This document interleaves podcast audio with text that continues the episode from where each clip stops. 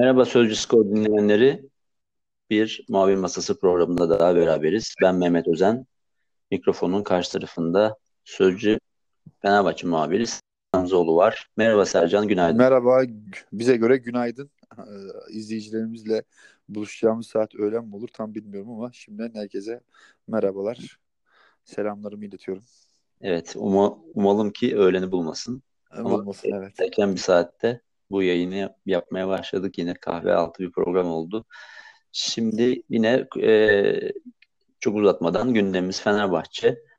En son Fenerbahçe e, muhabir masası programından bu yana neler oldu, neler değişti, e, hangi gelişmeler yaşandı. E, sana topu atıyorum istersen. Yine her zaman olduğu gibi transferler gelecek ve gidecek. Transferler nasıl şekilleniyor? Ondan başlayalım istersen.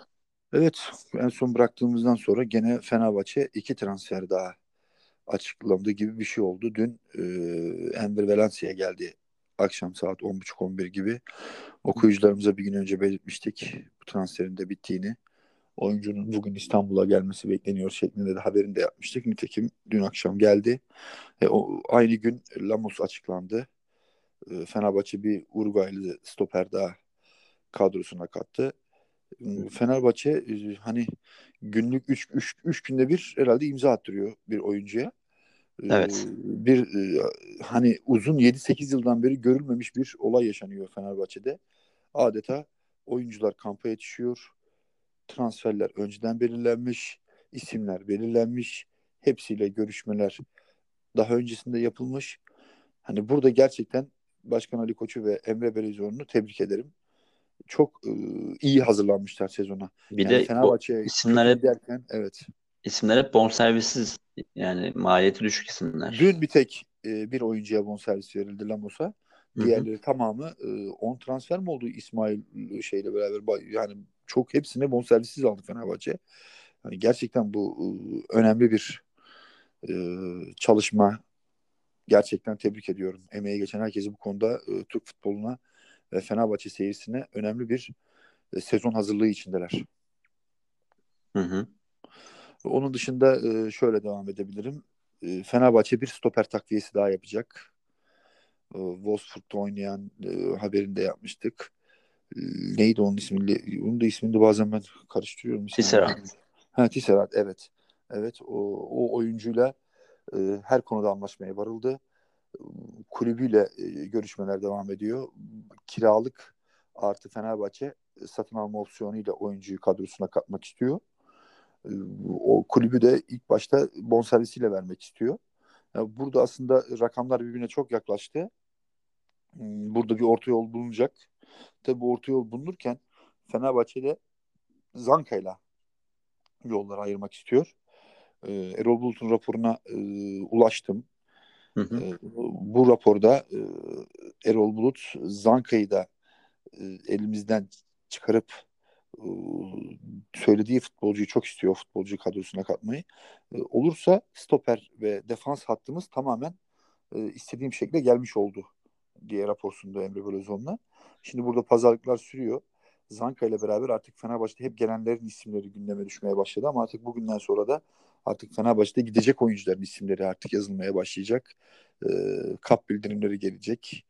E, bunun yanında Tolga Arslan'a e, e, görüşmeleri devam ediyor. Ona da artık e, ayrılacağını kendisine e, kadroda düşünmediğini bildirdi. E, Zaysa bildirildi. Frey'e bildirildi. Bu isimler kesinlikle e, Erol Bulut'un yeni sezon kadro planlamasında yok bu dört oyuncu. Hı hı. Onunla birlikte Jason bir kararsızlığı yaşıyor. Jason'u da e, orta sahadaki e, alternatif kadro içinde olabilir de diyor. Ama olur da kulüp e, bu satıştan veya herhangi bir takastan e, bir e, kulübün lehine olacak bir şey olursa da onu da oturur değerlendiririz dedi. Kabul edebilirim onu da dedi.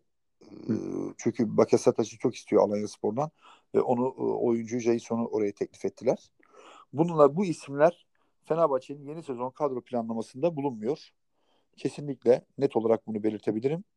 Ee, Erol Bulut iskeletini e, topuk ailesinde oluşturdu ve o bu kadroyla da yola devam edecek gibi. Şimdi artık bu oyuncuları elden çıkarma ve kulüplerle görüşmeler sıkı bir şekilde başladı.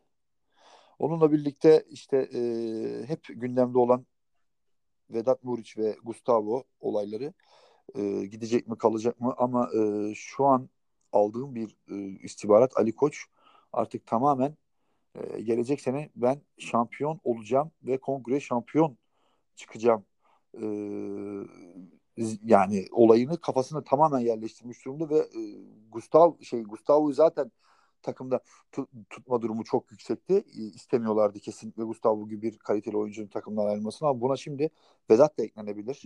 Hep gitti gidecek, gitti gidecek e, haberleriyle e, manşetlerde oldu ama aslında durum öyle değil. Onu da zaten gazeteye hazırlıyorum haberin detaylarını. İzleyicilerimizden buradan affımı e, istiyorum. E, gerçekten evet. e, kalabilir. Yani Vedat kalabilir. Vedat kalabilir. Bunun detaylarını da e, yarın söz, gazetede Sözcü Spor'dan okuyucularımız takip evet. edebilirler. On... Dün Selahattin Bakin dediği gibi de yani satılmayacak oyuncu yoktur. Rakamını bulan oyuncu olursa tabii ki e, satılabilir e, diye de bir açıklaması oldu dün kura çekiminde. Ona istinaden ben de e, o, o konuyla alakalı bildiklerimi Hı. aktaracağım. E, o konuya fazla girmeden ama şunu demek istiyorum. Fenerbahçe ciddi anlamda ben şampiyon e, olacağım transferleri ve e, elindeki oyuncuların da hepsini tutup sezona çok önemli bir şekilde girmenin planlarını yapıyor. Gerçekten bu konuda 7-8 yıldan beri az önce dediğim gibi görülmemiş bir planlamayla yürüyor Fenerbahçe. Evet. Sen buradan devam et istersen Mehmet abi. Ekleyeceğim bir şey varsa. Ee, Vedat'ın kalma durumunun e, da farkına vardı bu, e, bu süreçte Fenerbahçe kamuoyu da. Buna göre bir artık iskelet oluşumu da belki düşünülmeye başlanacak. Ama yine de e, olur da giderse alternatif forvet arayışlarında elimizde bir isim var mı? Zahavi e, konuşuluyor birkaç gündür. Onun da e, kulübüyle olan sorunları vardı. E, başka bir forvet adayı şu an masada var mı ya da yok Şöyle, mu? Zahavi ismi e, gündeme geldi. Bonservisi elinde e, ama şöyle bir olay oldu aslında. Geçenlerde Emre Belözoğlu'na Manzukici menajeriyle e, geçenlerde dedim aslında bu olay e, 20-25 günlük bir olaymış. Ben daha dün öğrendim. Manzukici menajeri gelmiş Emre Belözoğlu'na demiş ki e, 3,5 milyon euro net verirseniz oyuncumu size getirmek için her türlü planı yapabilirim demiş. 3 e, yılda herhalde kontrat istemiş. 2 artı 1. E sonra maliyetiyle ve yaşına bakmış Ali Koç. E, orada ciddi bir e, yani demiş ben bu kadar para verdikten sonra demiş niye ben Vedat'ı satıyorum ki demiş. Yani tamam bir kaliteli. Yani orada aslında e, Krik ne biliyor musun? Vedat'ın Fenerbahçe'ye maliyeti düşük. Yani e, çok ciddi anlamda 2 milyon euro bandının altında bir para alıyor Fenerbahçe'de. Yani böyle bir e, oyuncuyla bu parayla ben takımda tutup da eğer bu yaşta bu kadar para vereceksen bir oyuncuya diyor zaten o zaman satmamızın mantığı yok. O yüzden orada e, veto ettiler Manzukic'i. Aslında geldi gündeme Fenerbahçe ve oturuldu konuşuldu. Ama şimdi Fenerbahçe'nin de hiçbir oyuncuya gerçekten artık hiçbir takımımızın sadece Fenerbahçe de değil e, böyle 3,5 milyon eurolar ve bonusları var yani sadece bonuslar vesaire gibi bir maaş verecek e, durumu yok. Hem içerideki maaş dengesini çok bozar. Hem de zaten Fenerbahçe'nin zaten öyle bir e, karşılayacak finansal durumu mevcut değil. Değil. E, bu tip işte e, tabii ki geliyor menajerler belli indirimler yaparak ama işte Godin meselesi konuşuldu mesela. E, Inter'in en çok kazanan oyuncularından bir tanesi. Dünyanın en iyi savunma oyuncularından bir tanesi. Buna bir şüphe yok gerçekten. E, ben de çok beğeniyorum. Ama ve lakin 6 6 6.5 7 yani bonuslarla değişiyor bunlar. Böyle maaşlar alan oyuncuların da e, kamuoyunda sürekli dillendirilmesi beklentiye bir yanlış yönlendiriyor. E, yoksa Fenerbahçe yani bundan 10 sene 15 sene önce böyle oyuncular Türkiye'ye geliyordu. Böyle maaşlar alıyorlardı ama artık o dönemden de bittiğine bir şekilde ikna olmamız lazım. Olamıyoruz. E, bu, bu da sizin işinizi de bir yandan çok zorlaştırıyor diye düşünüyorum. Muhabirlerin evet. işlerinde. Evet yani gerçekten her dakika bir isim yazılıyor ve ortalık bir an e, hangi yerine dönüyor diyeyim sana. O futbolcu, şu futbolcu gerçekten transfer dönemi çok zor e, bizim gibi muhabirler için yönetmek. Çünkü saniye başı son dakika veriyorlar. Saniye başı şu Fenerbahçe yönelildi, bu Fenerbahçe yönelildi. Öyle oldu, böyle oldu. Aslında atılmış bir adım bile yok. Yani atılmış bir adım birbirine bir sorma bile Fenerbahçe'de son dakika e, geliyor gidiyor gibi bir e, hava yaratılıyor. E, bu maliyetleri de sonra sorduğum zaman kulübe ya bu kadar maliyeti var biz nasıl bu maliyeti karşılayabiliriz?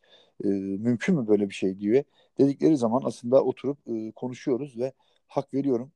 E, işte sen de çok iyi biliyorsun. E, ben bu sene transfer dönemindeki sosyal medyada ve e, Fenerbahçe taraftarları üstünde biraz iyi yönetilmediğini düşünüyorum. Her dakika bir isim yazılıyor, her dakika bir isim yazılıyor ve gerçekten taraftarda büyük bir beklentiye giriyor. Ee, bunu da yapan bazı muhabir arkadaşlar var ama ben bunu doğru bulmuyorum yani. Yani hatta bir ara kaleci geliyor. İşte Fenerbahçe kaleciyi elden çıkarıyor. Yeni bir kaleci geliyor. Kaleci isimleri falan yazıyorlar. Gerçekten e, sorduğum zaman kulübe ve hocanın ekibine falan o taraflara, oyuncunun menajerine falan gülüyorlar yani. Diyorlar ne gitmesi, ne bu isim kim falan diyorlar. E, şey oldu yani artık. Biraz e, bu işin de çivisi gitgide çıkmaya başladı. Yani şöyle bir şey Zor. oldu galiba Sercan. Yani olabilir bu konuşmalar bir yerlerde. Sonuçta menajer düzeyinde, yöneticiler düzeyinde cümle içinde sarf edilen şeyler olabilir. Zihin jimnastiği yapılmış olabilir. Birisinin, birilerin isimleri sarf edilmiş olabilir. Ama bunlar böyle çok ilk safhada daha bir e, beyin jimnastiği, beyin fırtınası düzeyindeyken hemen gündemin içine tekrar girdiğinde gerçekten bu sefer ta- taraftar e, realistik bir hedefine de hemen otomatikman çöp damgasını yapıştırıyor. Şimdi hedefi Godin olduğunda şimdi, değil mi? Yani gelecek adamın e, stoper pozisyonuna Godin hedeflendiğinde oradan bakarsan Godin olmayan herkes bir hayal kırıklığı yaş- yaşatmış oluyor bu sefer taraftara. Tabii Lemos Bunun, geliyor. Godin'i beklerken Lemos geliyor. Bundan sonra diyorlar ki çöp geldi. Veya Tisserand mesela bunlar hepsi bu e, yani kötü de olabilir. Bu arada performansları iyi performansla sergilemeyebilirler ama taraftar her zaman şunu e, ve kamuoyu, spor kamuoyu aklında tutsun. Transfer dönemlerinde e, çok alkışlanan, çok çok iyi transfer, aman mükemmel oldu denilen isimlerin çok büyük hayal kırıklığını da yaşattığını geçen sene biz gördük. Geçen sene Galatasaray kağıt üzerinde masada en iyi takımı kurmuş takımdı hatırlarsan. Çok iyi hamleler yapmışlardı. Doğru. Seri ortaya Roma'dan gelen adını hatırlamıyorum Fransız oyuncu çok şey Falcao. Falcao. Şimdi müthiş bir takım kurdular. İlk yarı bitsin diye beklediler ki ilk yarı bitsin de düzeltelim takımı tekrar. Yani Fatih Terim Ocak gelsin, Ocak gelsin olmadı, tutmadı. Oyunculardan performans alınamadı. Falcao sakatlandı. Seri çok kötüydü ilk, de, ilk yarı. Uyum, uyum sorunu oldu. Sonra toparladı ama e, Roma'dan gelen çocuğun adı neydi hatırlayamıyorum şimdi. Şimdi o mü- müthiş bir oyuncu yani. Müthiş bir kariyer. Dünya şampiyonu olmuş gelmiş. Ha, şeydi neydi onun ismi? Benim de aklıma dilimin ucunda. Saç tercih etmeyen. Ha. Şimdi aklıma gelmedi. Kusura bakmasın dinleyicilerimiz. Müthiş bir kariyer. Çok iyi, önemli bir oyuncu ama olmadı. Bazen de e, çok kağıt üzerinde iyi oyuncuların sahada e, olan oyuna, takıma, kulübe, ülkeye uyum sağlayamayabileceklerini, tam tersi de bazı oyuncuların da ekstra performans verebileceklerini de aklımızda tutup ona göre sevinip, üzülüp, yükselip alçalmamız lazım diye düşünüyorum. Tabii Fenerbahçe'nin bu transferlerle yani transfer konusunu paketleyip bitirebildikse var mı başka isimler? Ee, başka mevzulara da yavaş yavaş girebiliriz diye düşünüyorum. Var mı Tabii bir isimlerimiz? Ee, Fenerbahçe iskeleti hemen hemen oturttu. Gidecek oyunculardan sonra belki. Evet o gidecek oyunculardan sonra da Fenerbahçe işte e, son bir hamle olabilir. Stoper ve son bir hamle orada artık gidene göre artık hareket edecek. Yani e, orada Rodriguez'e bir e, teklif gelir ve Rodriguez ayrılmak isterse Perotti ismi Fenerbahçe'de ciddi masada ve hala Fenerbahçe Perotti'yi bir şekilde kadroya katmak istiyor ama burada işte Roma ile Roma'nın bonservis olayında şu an e, çok fazla diretmesi. Perotti aslında alacaklarına karşılık biraz da e, karşı tarafın fedakarlığıyla bonservisini almak istiyor Roma'dan. Yani Fenerbahçe orada biraz elini ağırdan tutuyor Perotti işinde. E, yani e, istiyorum ama e, sen de bir fedakarlık yap gibilerine getiriyor Fenerbahçe. Yoksa Fenerbahçe Perotti'yi de çok istiyor. E, o isim de e, masada çünkü iyi bir kanat oradan e, bol bol yani forvet arkası, e, forvet yanı sağ solu her yerde oynayabilen bir oyuncu. Onu evet. hep masada tutuyorlar. Onun dışında gidecekleri söyledik. Gelecekler belli. Forvet giderse forvet alınacak. Forvet gitmezse Fenerbahçe şu anki mevcut kadrosuyla yoluna devam edecek. Yani orada e, işte Valencia geldi biliyorsun. E, şey var, time var. Bayağı Fenerbahçe oraya bir geniş bir kadro haline getirdi o kısmı. E, iskelet kadro hemen hemen %90'ı Fenerbahçe'nin gelecekler tamamlandı. Bir %10'luk kısım kaldı. Bir de gidecekler söylediğim isimler şu an e, en büyük hedef. Onları takımdan e, düşün 28 kişilik kadroya düşürmek istiyor Erol Bulut. Onun dışında Fenerbahçe'de e, yeni gelişmeler ne olabilir? İşte bu Bankalar Birliği olayı aslında dün biraz gündeme gelmeye başladı. Fenerbahçe herhalde hedeflediği e, Bankalar Birliği anlaşmasına çok yaklaştı. E, burada aslında şöyle bir şey e, söylemek istiyorum. E, Fenerbahçe Bankalar Birliği ile e, anlaşıyor ama şöyle de aslında yani burada bir zafer kazanıyor. Evet bir zafer kazanıyor ama aslında zaferi aslında yine, yine rakipleri kazanıyor. Bilmiyorum bana katılır mısın ama bu Bankalar Birliği Başkanı Hüseyin Aydın'la e, geçtiğimiz günlerde bir görüşme e, yaptı. E, orada aslında oraya da Bankalar Birliği diyorlar ama aslında bankalar konsorsiyum lideri olarak geçiyor Ziraat Bankası'nda. E, Hüseyin Bey'le bir görüşme yaptıktan sonra tekrar bu konuyu değerlendireceklerini işte oradan da e, bir Cumhurbaşkanı ziyareti oldu. E, Ali Koç'un tabii televizyonlar her yere çıktı. Resmi site paylaştı. E, şimdi orada görüşmeler başladı. Fenerbahçe 10 ile 12 yıl arası bir teklifte sundu. O teklifin karşılığında işte ciddi ciddi olacak bu iş. Yani burada Fenerbahçe belki bir yılını feda etti. Ama hedeflediği şeye duruma geldi Mehmet abi. Onunla birlikte aslında Fenerbahçe yani gerçekten ne mi kaybetti bu işte? Aslında Fenerbahçe o gün Bankalar Birliği ile anlaşmış e, olsaydı diğer rakipleri gibi belki bugün o günkü kur bazında baktığın zaman Fenerbahçe e, borç ödeyecekti. 250-300 milyona yakın Fenerbahçe'de para almış olacaktı diğer rakipler gibi. Ve o borçları ciddi anlamda Fenerbahçe yapılandıracaktı. Ve ben şimdi onun üzerine biraz çalışma yapıyorum. Onunla da alakalı bir köşe yazacağım o günkü kurla bugünkü kuru karşılaştırdığın zaman Fenerbahçe'nin yüzde otuz e, borcundan e, kayıp yaşıyor Mehmet abi. Yani aslında bak bu çok ciddi bir konu. Yani Fenerbahçe o gün diğer rakipleri gibi bankalara e, imza atmış olsaydı ve bugün bu yapılanma olsaydı diğer rakipleriyle aynı e, şartlar onlara da Fenerbahçe'ye de sunulacaktı ki haliyle Fenerbahçe 100 milyon dolara yakın borcundan düşmüş olacaktı. Ama şöyle bir şey var. Ee, senin matematiğin e, orada doğru. E, ama Fenerbahçe buna imza atsaydı e, o zaman büyük ihtimalle bu yapılandırma yapılamazdı. Çünkü bu yapılandırma yapılmasını e, eli zorlayan şey Fenerbahçe'nin burada e, ya buna atıyoruz mecbur gibiyiz de ama e, bunu yaparsak iki sene sonrasında, üç sene sonrasında e, yani kulüplerin kasasına kilit vururuz, kapısına kilit vururuz. Döndürülemez, evet. sürdürülemez bir model bu. Ee, biz de bunu imza atmayarak göstermek durumundayız. E, o da kendi işte geçen programda da konuştuğumuz gibi kendi e, danışman, finansal danışmanlarından, ekonomik ekonomistlerden vesairelerden aldığı şeye göre hareket etti. Evet Fenerbahçe geçen sene e, devre arasında transfer yapamadığı için e, ligi istemediği bir noktada bitirdi. Ama sadece tek şey de o değil. Başka tek faktörler de vardı. Ama e, tabii şimdi burada rakipler e, rahatlıkla transfer yaparken sen limite takıldın. Şimdi burada rakipler şampiyonluğa oynarken sen küme düşme Tabii yani faktörlerden bir tanesi yaşadın. faktörlerden Ama bir tanesi Fenerbahçe burada bir bedel ödedi. Hı hı. Ama Fenerbahçe çok büyük bedeller öderken e, rakiplerini hep e, burada her istediğini yaptı. Limitlerini arttırdı, transfer yaptı, şampiyon oldu.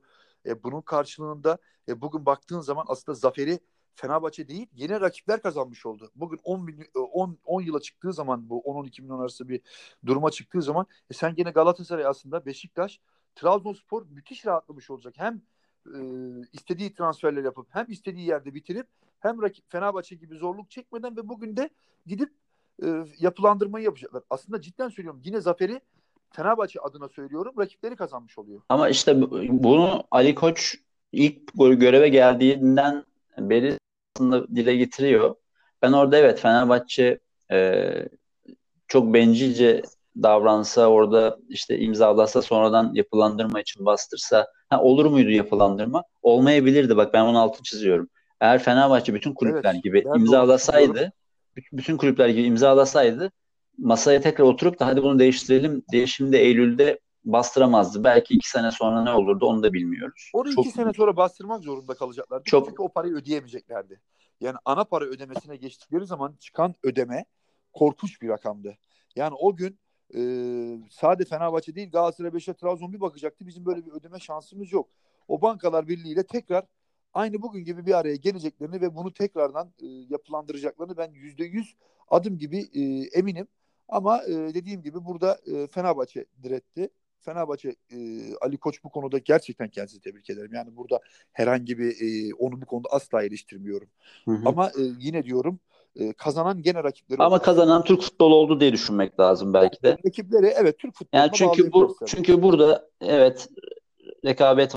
Saha rekabet var. E, atışma var. E, birbirine e, kızdırma var. Ve sonuçta bir pastayla bölüşme var. Evet. Ama 6 aylık bir kaybı oldu Fenerbahçe'nin. Bu geçen seneki şeyin e, sonuçta Bence o geçen ay.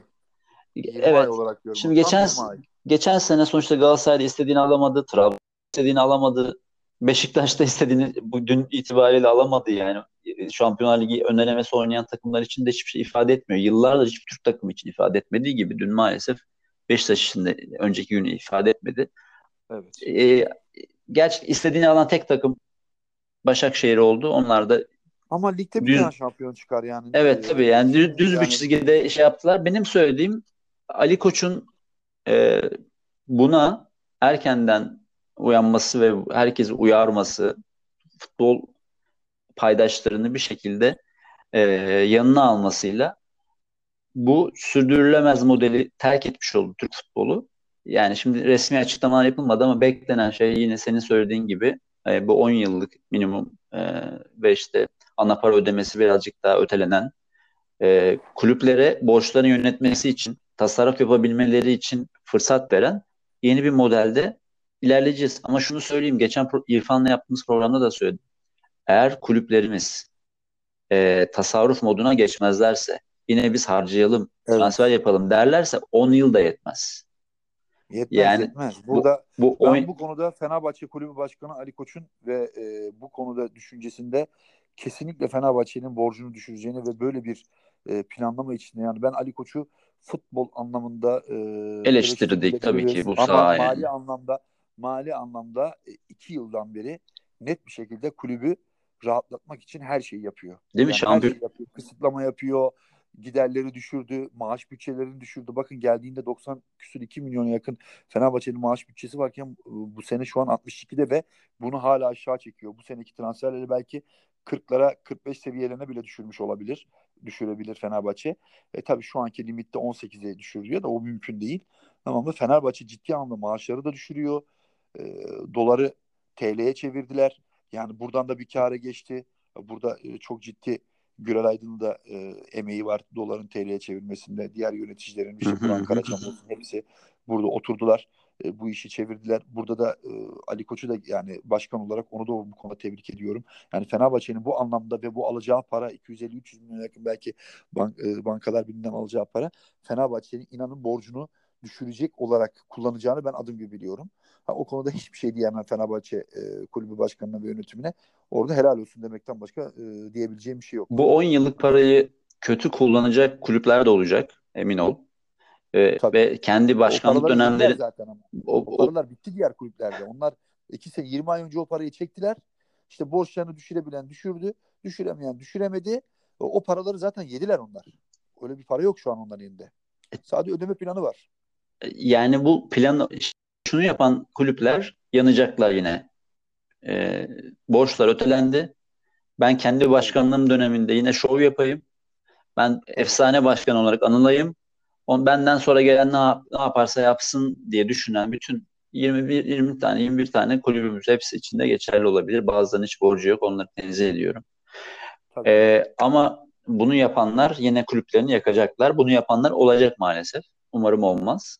Ee, şu anda Fenerbahçe için konuşursak, Beşiktaş için gittikleri yolla ilgili konuşursak, hatta beş şeyin de e, Trabzonspor için de konuşabiliriz.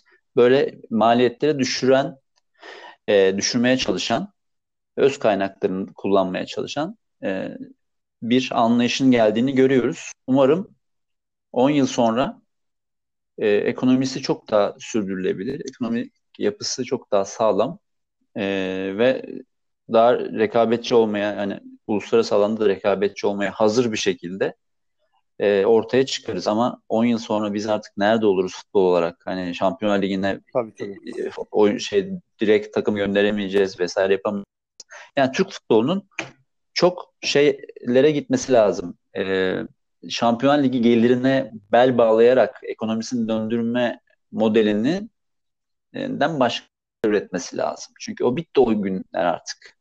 Belli evet, ki bizim Şampiyonlar Ligi gelir şeyimiz 2021-2022 gibi uzak bir hayal haline gelecek maalesef. Yani çok üzücü yani bunu böyle hızlı hızlı söylemek evet çok üzücü ama. Gerçekten Fenerbahçe bu sene şampiyon olacak da gelecek sene Şampiyon Ligi'ne gidecek. Gerçekten artık e, buradan hiçbir gelir gelmiyor kulübe ve uzun zamandan beri Fenerbahçe'nin Avrupa arenasında olmaması ve gelir gelmemesi Fenerbahçe'nin asıl belini burası büküyor. Yani hep para aslında bakıldığı zaman yine bankalardan para çekiliyor. Faizle para çekiliyor. Bu senin paran değil ki. Er ya da geç bu parayı geri ödeyeceksin.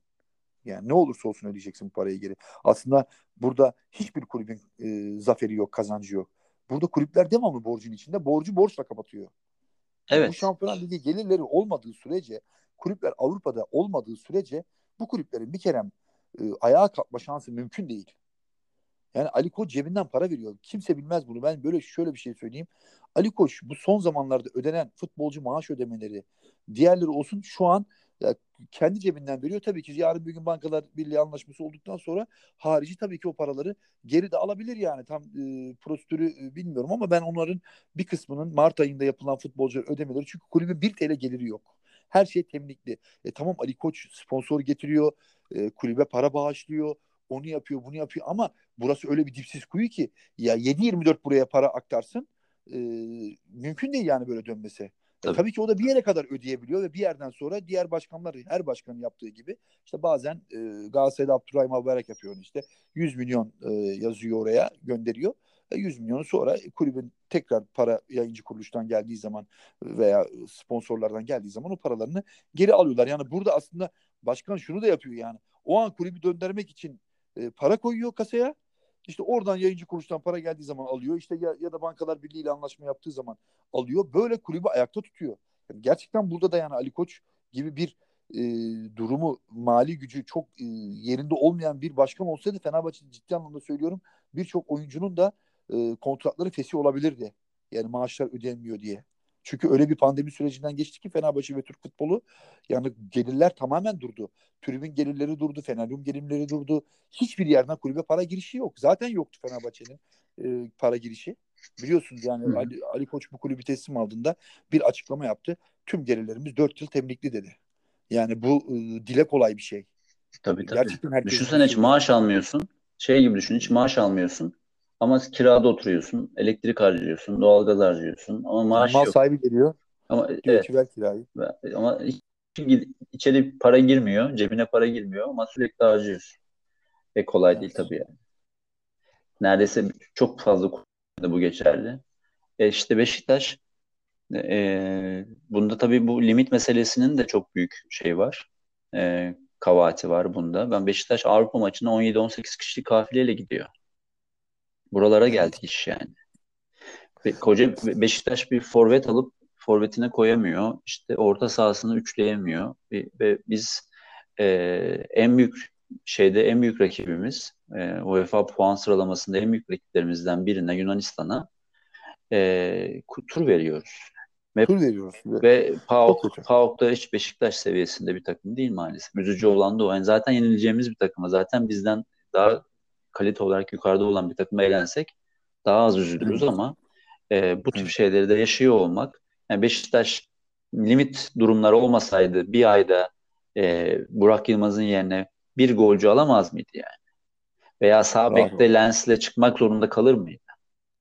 Şimdi veya e, stoper hattını Türkiye içinden doldurdular evet okey ama yani bu imkansızlıklar yani Fenerbahçe'nin de işte Ali Koç'un da aslında e, bu belki bu 10 yıllık limit planı 10 yıllık yapılsaydı bu limit meseleleri birazcık daha şu anda e, kulüplerin boğazını bu kadar sıkmıyor olsaydı belki Beşiktaş'ta e, Şampiyonlar Ligi'ne gitme şansı bulup orada birazcık daha e, ekonomisine bir girdi sağlayabilirdi. Yani bir 10-15 milyon euro en kötü kasasına para girecekti. Bunlar çok büyük paralar artık yani dolar euro olmuş 9 TL'ye yakınlaşmış.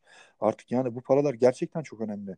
Mehmet abi yani artık Türk futbolu Avrupa'ya gitmezse inanın e, çok zor dönemlere girdiler zaten ve daha da kötü gidiyor. Yani Ser, bugün Ser, Türkiye evet. Ligi'ni konuşuyoruz. Yani Türkiye Ligi'nde evet işte şu şunu aldı, bu bunu aldı. Büyük resmi kimse görmüyor. Kulüpler artık e, boğaza kadar batmış durumda. Şimdi, Ve, net, evet, buyurun. şimdi şöyle bir şey var. Sanırım buraya gidecek iş. Sohbetimizi yavaş yavaş kapatırız sabah. Sen de evet. çıkacaksın. E, şuraya gidiyor anladığım kadarıyla iş. Yani Euro 8'lere geçti falan filan.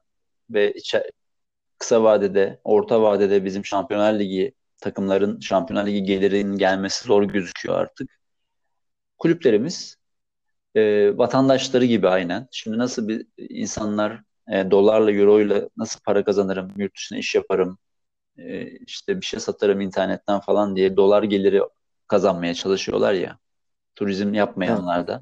Yani takımlarımız oyun, dışarıya oyuncu satacaklar. Bu, bu, bu, bir, bu, bir, bu bir model olacak. Çünkü evet. euro ile para kazanabildiğin, kazanabileceğin tek yer orası kaldı artık. Euro evet. üzerinden para kazanmak istiyorsan oyuncularını ya, dışarıya satacaksın. Ya oyun ya şampiyon yetiştireceksin. Şampiyonlar Ligi'ne gideceksin ya da oyuncu satıp e, yetiştirip oyuncu satacaksın. İkisi dışında şu an e, kasana girecek bir para yok dışarıdan ha, Euro bazında. Şunu da ülke olarak şunu da yapacağız.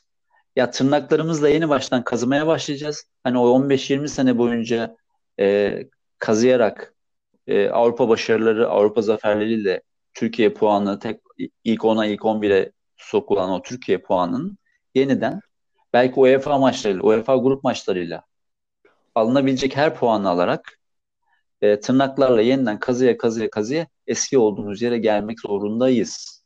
Evet. Evet. Doğru. Yani e, rakiplerimiz de yani Yunanistan'dır, bizim e, Hollanda'dır. Biz bizi e, çok net bir şekilde geride bıraktılar ki şimdi hala Beşiktaş'ın Şampiyonlar Ligi'nde aldığı o çok değerli puanlar şu anda yazılıyor. E, ama son 5 senenin puanlarına bakılıyor ya. Şimdi onlar da evet. gittiğinde bizim durumumuz çok daha vahim olacak. Yani işte iyice düşeceğiz. Bunları kapatmamız. E, evet. Teknik direktörlerimiz e, UEFA maçlarını rotasyonlu genç kadroyla falan filan çıkarak bunların şey yaptılar, hazırladılar zeminini. Onları bırakmak. Buna karşı içeride çok güçlü bir e, kamuoyu yaratmak falan filan. Bunlar çok uzar tabii. Bunların içine girersek çıkamayız. Tabii tabii çok. E, limitle ilgili de e, dün e, sözcü ekonomi şefi e, dijitalde e, Can Mumay bir haber hazırlamıştı. Orada da senin söylediğin gibi e, Bankalar Birliği ile anlaşma yapılması bekliyor. Bütün Fenerbahçe hisseleri bu arada çok yükseldi. Oradan çıkmıştı haber. Evet ya. E, yatırım... Paramız olsaymış, sezon başı hisse alsaymışız gerçekten şu an zengin olmuştuk. E, %50, yani. %50 falan yükseliş yaşadı. %50 Sanırım yani. yatırımcılar yani... da memnun Fenerbahçe'den ve özellikle bu çok limit memnun. artışının olmasının e, birlikte gene yükselişe geçecek. Yük, onu satın ne almış olabilir. Şey mi alalım? Hisse mi alalım diyelim okuyucu dinleyici. Hayır hayır hayır kesinlikle öyle bir şey söylemiyoruz. O, onlar çünkü bunların hepsi spekülasyon spekülasyon ama şöyle bir şey de olabiliyor. Tabii yatırımcı önce beklentiyi satın alabilir. Beklenti gerçekleştiğinde satış da olabilir. Bu işler bizim e, uzmanlık alanımızın da dışına gidiyor ama e, limit geldiğinde bir uzmana bir hesap yaptırdığında yani Fenerbahçe bugünkü limitinin neredeyse iki katı gibi bir şey çıkmasını da 400'ün üzerine çıkıyor. Yani Fenerbahçe'nin limiti e, yani bu Bankalar Birliği anlaşmasını imzaladıktan sonra Fenerbahçe'nin limiti 400'ün ve çok üstüne çıkıyor. Yani Fenerbahçe o limiti zaten hepsini kullanmayacak ki. Yani mümkün değil. Yani Fenerbahçe'nin e, limiti artacak ama e, Fenerbahçe kendine bir yol haritası çizdi. Ve bu yol haritasında yani bu kadar limit var tamamını bitireceğim mantığıyla hareket etmiyor Ali Koç. 350 yani, 350 gibi bir şey de çıkabilir ama ben yani, bizim hesaplamalar tabii farklı çok farklı farklı modellerde farklı farklı hesaplar da çıkıyor. Olabilir. Ama yani bunların hepsi tabii ki şu anda 150 milyon limit olduğunu düşünürsek e, başka bir resim çıkıyor tabii ki. Evet. Tamam Sercan ağzına Noktalayalım. sağlık. Evet bugün e, tadında az ve öz güzel bir yayın olduğunu düşünüyorum. Dinleyicilere hepsine şimdiden Evet yine bir yarım saati geçti tabii onun. yarım saati geçtik onu her zaman yaptığımız gibi. Evet. Sercan görüşürüz. Görüşürüz. De teşekkür ediyoruz buraya kadar dinledikleri teşekkür için. Ederim. Hoşçakalın. Teşekkür ediyorum. Hoşçakalın.